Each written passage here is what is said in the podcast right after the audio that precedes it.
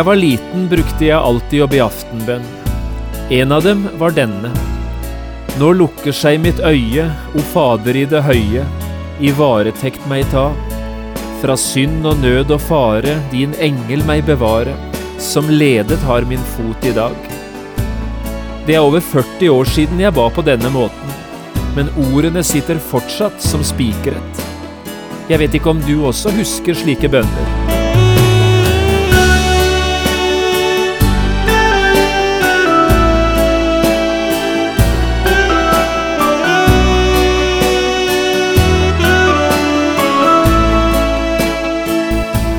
Hjertelig velkommen til et nytt program i serien Vindu mot livet. Programmet er produsert av Kristen Riksradio og blir ledet av Jon Hardang. Kristen Riksradio drives av frivillige gaver. Vi er glade for din støtte.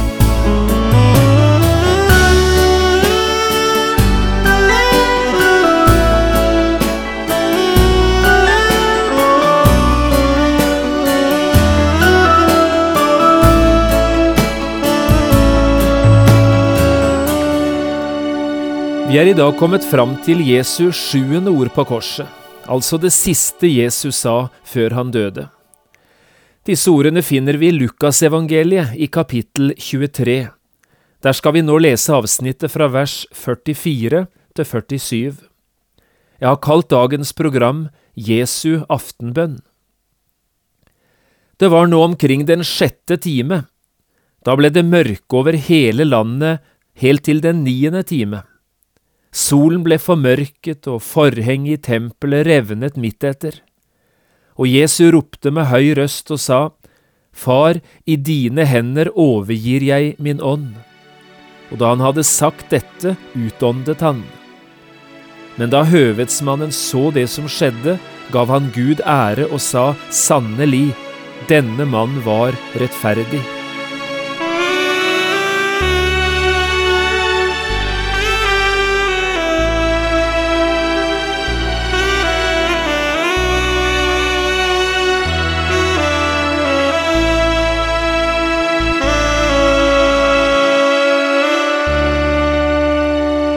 Det er fremdeles vanlig i Norge at mange foreldre lærer sine barn å be, i alle fall en del faste bønner som skal brukes ved bestemte anledninger.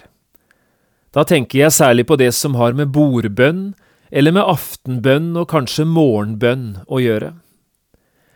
Jeg tror fremdeles den mest brukte bønnen må være Fader vår, den bønnen Jesus lærte disiplene sine å be en gang. Dette tror jeg er bruksbønn nummer én også i Norge i dag.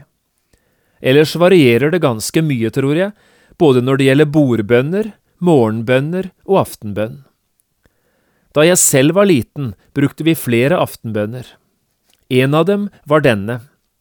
Nå lukker seg mitt øye, o Fader i det høye, i varetekt meg ta. Fra synd og nød og fare, din engel meg bevare, som ledet har min fot i dag.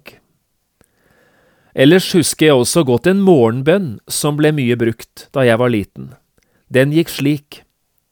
Gud som har oss småbarn kjær, se til meg som liten er. Hjelp meg denne dag å være snill og god, deg Gud til ære. Amen. Noe av det fine med slike bønner som vi lærer tidlig, er at de sitter som spikret mange år etterpå. Vi kan sitere dem ordrett, de fleste av oss, når som helst. Og de har en tendens til å dukke opp igjen på våre eldre dager, disse enkle barnebønnene. Og mer enn én gang har de vært til hjelp for mennesker som ønsket å finne veien tilbake til sin barndoms tro og til sin barndoms Gud. Også jødiske foreldre lærte sine barn å be, både daglige bønner, altså bønner som skulle sies fram til forskjellige tider på dagen, sabbatsbønner og bønner for de store høytidene. Og det spesielle med de jødiske bønnene, det er at de ofte er hentet, og det gjelder de aller fleste, tror jeg, fra Bibelens egen bønnebok, Salmenes bok. En av disse daglige bønnene var hentet fra Salme 31 og vers 6, en bønn som David en gang skrev. Denne bønnen lærte jødiske foreldre sine barn å be som en kveldsbønn. Den lød slik. I din hånd overgir jeg min ånd. Du forløser meg, Herre, du trofaste Gud. Og denne bønnen ba ikke bare jødene som barn, den var på leppene deres gjennom hele livet. Hver gang en gudfryktig jøde la sitt hode på puten, kom disse ordene, denne bønnen, umiddelbart på leppene hans. I din hånd overgir jeg min ånd. Du forløser meg, Herre, du trofaste Gud. Og slik la han seg selv i Guds hender med tanke på natten som nå skulle komme. Vet du hva jeg tror? Jeg er nokså sikker på at også Maria lærte den lille gutten sin, Jesus, å be denne bønnen, da han var liten og skulle vokse opp. Jeg synes dette er en skjønn tanke. Kanskje Jesus hadde brukt nettopp disse ordene opp gjennom hele sin barndom, gjennom tenårene. Hver gang han skulle legge seg en kveld, kom denne bønnen, disse ordene, på leppene hans. Og slik hadde det fortsatt også til Jesus ble voksen mann. Dette var sannsynligvis kjente ord for Jesus. I din hånd overgir jeg min ånd, du forløser meg, Herre, du trofaste Gud. Og så skjer altså det, helt på slutten av Jesu liv, at disse gamle ordene enda en gang kommer på leppene hans, de gamle, kjente og trygge ordene. Jesus er i ferd med å oppleve de siste timene av sitt liv, i bunnløs nød og smerte. Men nå er striden snart slutt, han er kommet til veis ende. Alt er fullbrakt. Jesus hadde gjort ferdig den tjeneste han hadde fått av sin far. Lidelsens beger er tømt til siste dråpe. Straffen for all verdens synd er sonet, og gjelden er betalt til siste øre. Også for Jesus kom en av de første bønnene han hadde lært, nå tilbake igjen, her ved livets avslutning. Det er som ringen er sluttet, Jesus er tilbake i sin gode himmelske Fars ånd. Og så ber altså Jesus, Far, i dine hender overgir jeg min ånd. Vi hører det av og til sagt, Jesus ble drept langfredag. De tok livet av Jesus da han var 33 år gammel. Det er ganske interessant å legge merke til at vi aldri møter slike uttrykk i Bibelen. Bibelen framstiller aldri saken slik at noen tok livet av Jesus. Hele veien hører vi det motsatte, Jesus ga sitt liv, eller at han satte livet til. Og det er jo noe ganske annet. Kanskje kunne vi sitere ett konkret ord av Jesus, så ser vi det tydelig. Hør hva Jesus sier en gang, i Johannes 10, vers 17 og 18. Derfor elsker Faderen meg, fordi jeg setter mitt liv til, for at jeg skal ta det igjen. Ingen tar det fra meg, men jeg setter det til av meg selv. Jeg har makt til å sette det til, og jeg har makt til å ta det igjen. Dette bud fikk jeg av min far. Klarere kan det vel ikke sies. Jesus ble ikke myrdet. Jesus døde ikke av utmattelse. Han døde ikke imot sin egen vilje. Han døde fordi han selv ville det, og fordi han selv valgte det. Så skal vi legge merke til hvordan Jesus siterer denne kjente bønnen fra Salme 31. Jesus gjør nemlig to forandringer på Davids gamle ord. For det første legger han til noe i begynnelsen av bønnen, og for det andre kutter han ut noe i slutten. I begynnelsen legger Jesus til ordet far. Dette ordet står ikke i Davids salme, i Salme 31, og det kunne heller aldri ha stått der. I gammeltestamentlig tid hadde nemlig ikke menneskene begynt å tiltale Gud som far på en slik personlig måte. Den store Gud ble riktignok kalt for far til folkeslagene eller nasjonenes far. Men et så nært eller familiært forhold mellom Gud og enkeltmennesker, som gjorde at de kunne kalle han far, det ville være totalt fremmed for de gamle hebreerne. Men nå skulle alt dette forandre seg, etter Jesu død og hans oppstandelse. Da skulle menneskene, hver enkelt av oss, få anledning å kalle Gud vår egen far. Den forandringen skjedde ved Jesu kors, men før korset fantes det ikke noe barn-far-forhold imellom Gud og enkeltmennesker. For Jesus var det imidlertid annerledes. Han var Guds evige sønn, født av Faderen fra evighet, slik Luthers lille katekisme lærer oss det. Og dette nære, fortrolige forholdet mellom far og sønn understrekes når Jesus altså nå legger til dette første ordet i sin bønn. Far, i dine hender overgir jeg min ånd. Denne fortroligheten blir også understreket ved den store kontrasten vi ser på dette ordet i forhold til noe Jesus sa litt tidligere. Da Jesus hang i det stummende, kalde mørket ute på Golgata og ropte ut i angst, sa han noe annet. Min Gud, min Gud, hvorfor har du forlatt meg? Men slik er det ikke lenger nå. Gud er ikke bare Gud, Gud er hans gode far. Ja, for nå er synden sonet, den desperate ensomheten på grunn av avstanden til den hellige Gud, den er over for alltid. Faderen har igjen snudd ansiktet tilbake til sin kjære sønn. Derfor er ordet far så riktig for Jesus akkurat nå. Far, i dine hender overgir jeg min ånd. Den andre forandringen Jesus gjør, er å utelate den siste delen av bønnen fra Salme 31, 6. Da Jesus hang på korset, tok han ikke med denne siste setningen, Du forløser meg, Herre, du trofaste Gud. Hvorfor utelot Jesus den siste setningen? Ja, det er ikke så vanskelig å forstå hvis vi bare tenker på hvem det er som nå ber.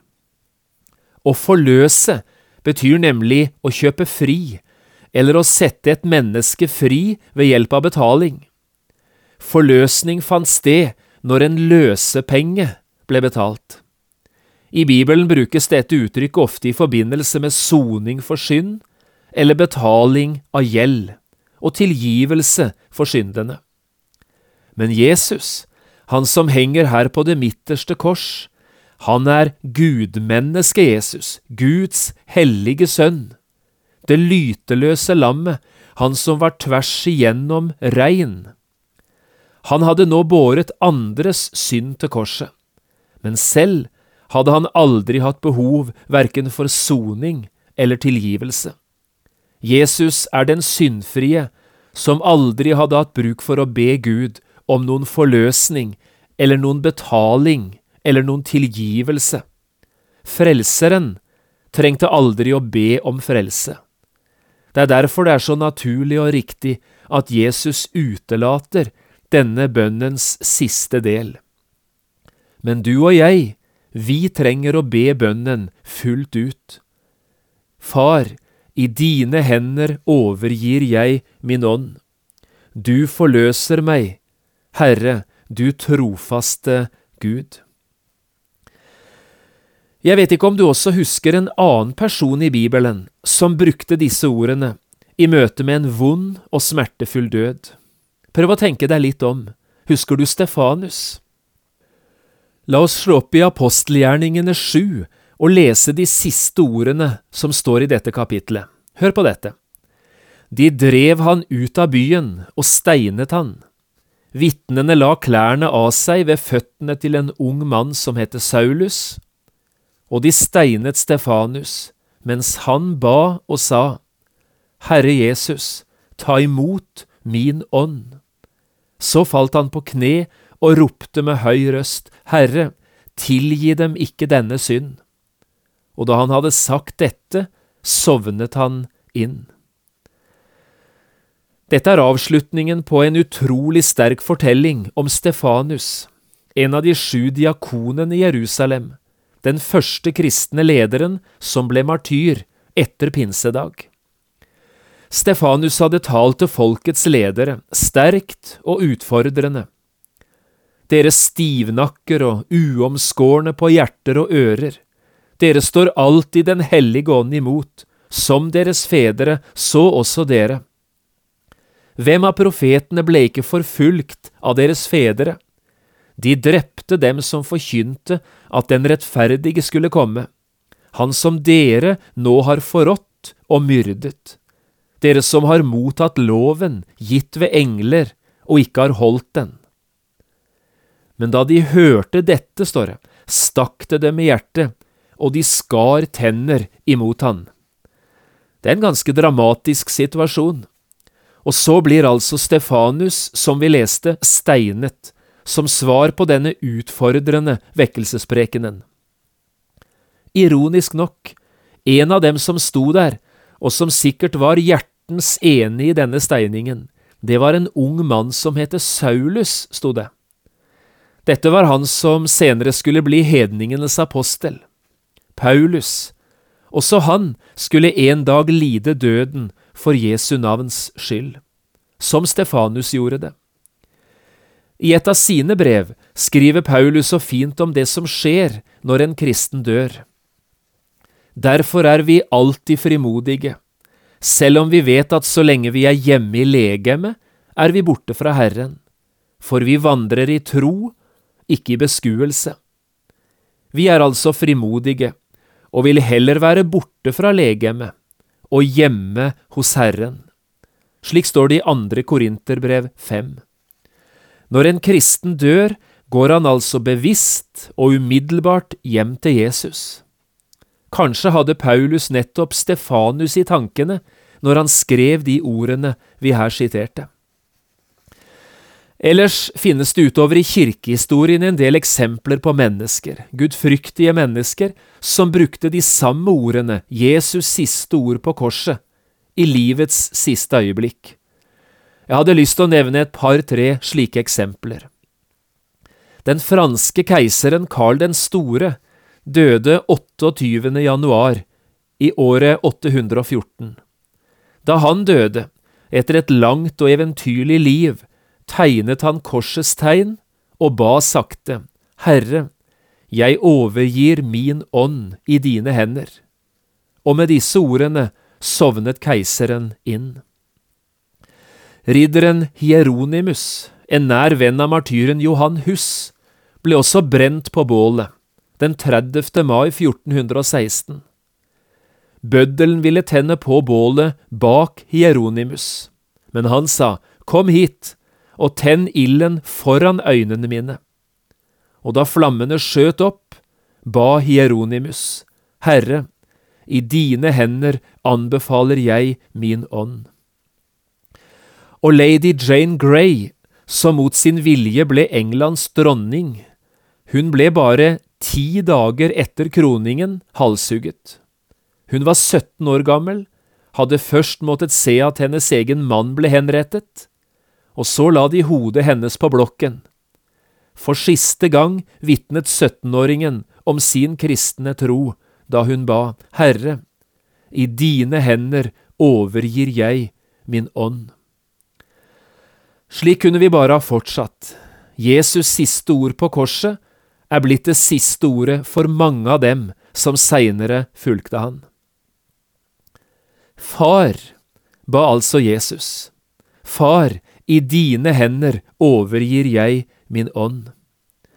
Jesus er altså kommet til de siste sekundene i sitt liv, og så sier han i utslitt, tilfreds fortrolighet, Far.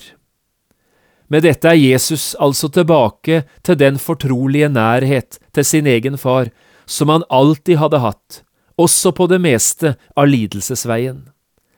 La oss kaste et lite tilbakeblikk på noe av det vi tidligere har talt om. Da Jesus var på den øvre salen, begynte han å be, først for seg selv og så for sine venner. Og bønnen Jesus ba, begynner slik, Far, timen er kommet. Jesus tiltaler Gud som far. Går vi litt lengre fram, kommer vi til Getsemane. Også her finner vi Jesus i bønn. Far, om du vil, så la denne kalk gå meg forbi. Han har ikke mistet kontakten med Gud, og også nå tiltaler han Gud som far. Så måtte Jesus gjennom et voldsomt rettsoppgjør, og ble til sist dømt skyldig.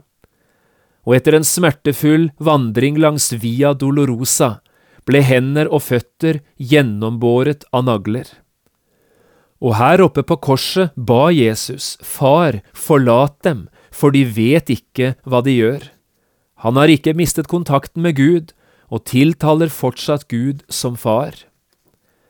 Men så skifter scenen. Gud snur seg vekk fra sin egen sønn, i det øyeblikk i tiden da Jesus bar all verdens synd. Nå kunne han ikke lenger tiltale Gud som far. Han sa, Min Gud, min Gud, hvorfor har du forlatt meg? Gud kunne jo ikke ha fellesskap med en som bar ansvaret for all verdens synd og skam. Derfor snudde Gud seg vekk.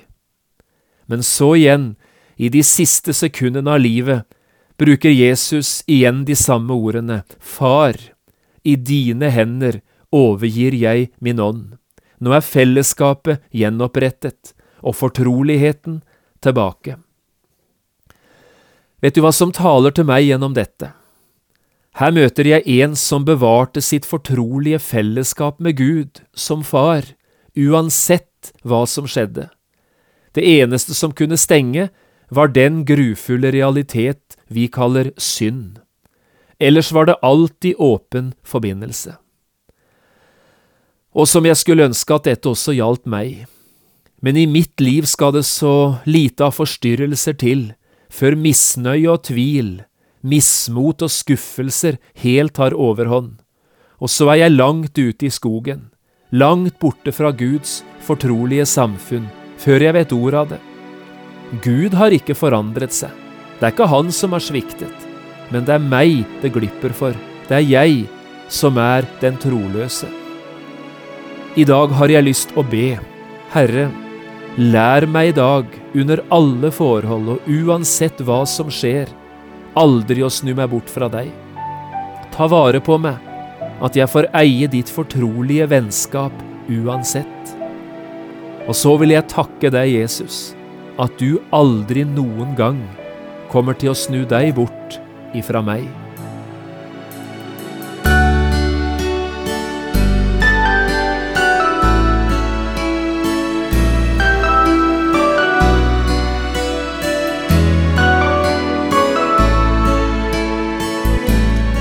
Du har lyttet til et program i serien Vindu mot livet med John Hardang.